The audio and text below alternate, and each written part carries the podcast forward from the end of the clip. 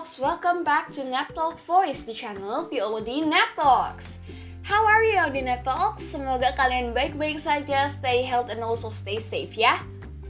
Kalian tahu gak sih kalau waktu tidur manusia dibedakan menjadi dua loh, yaitu morning person and night person. Bedanya apa sih? Perbedaannya tuh jauh banget.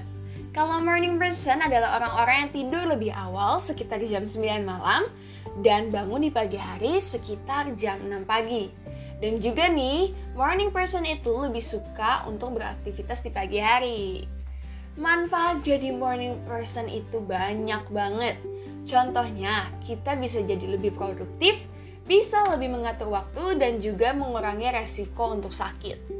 Karena apa? Karena aktivitas pagi yang dilakukan morning person seperti berolahraga, rutin sarapan, dan mandi di pagi hari bisa meningkatkan kesehatan baik fisik maupun kesehatan mental.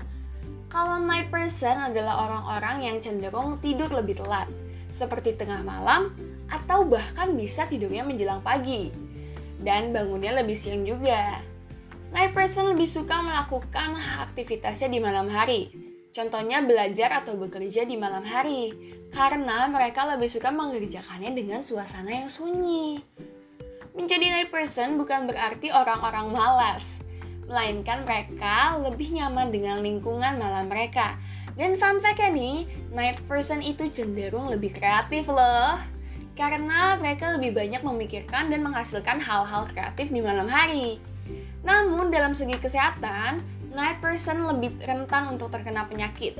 Karena apa? Karena biasanya mereka lebih banyak mengkonsumsi gula, kafein, dan juga fast food. Tidak hanya itu, istirahat mereka juga tidak cukup. Nah, kalau kalian gimana?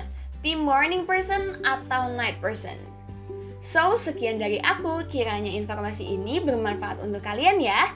Dengan Jessica, sekian. See you all next episode.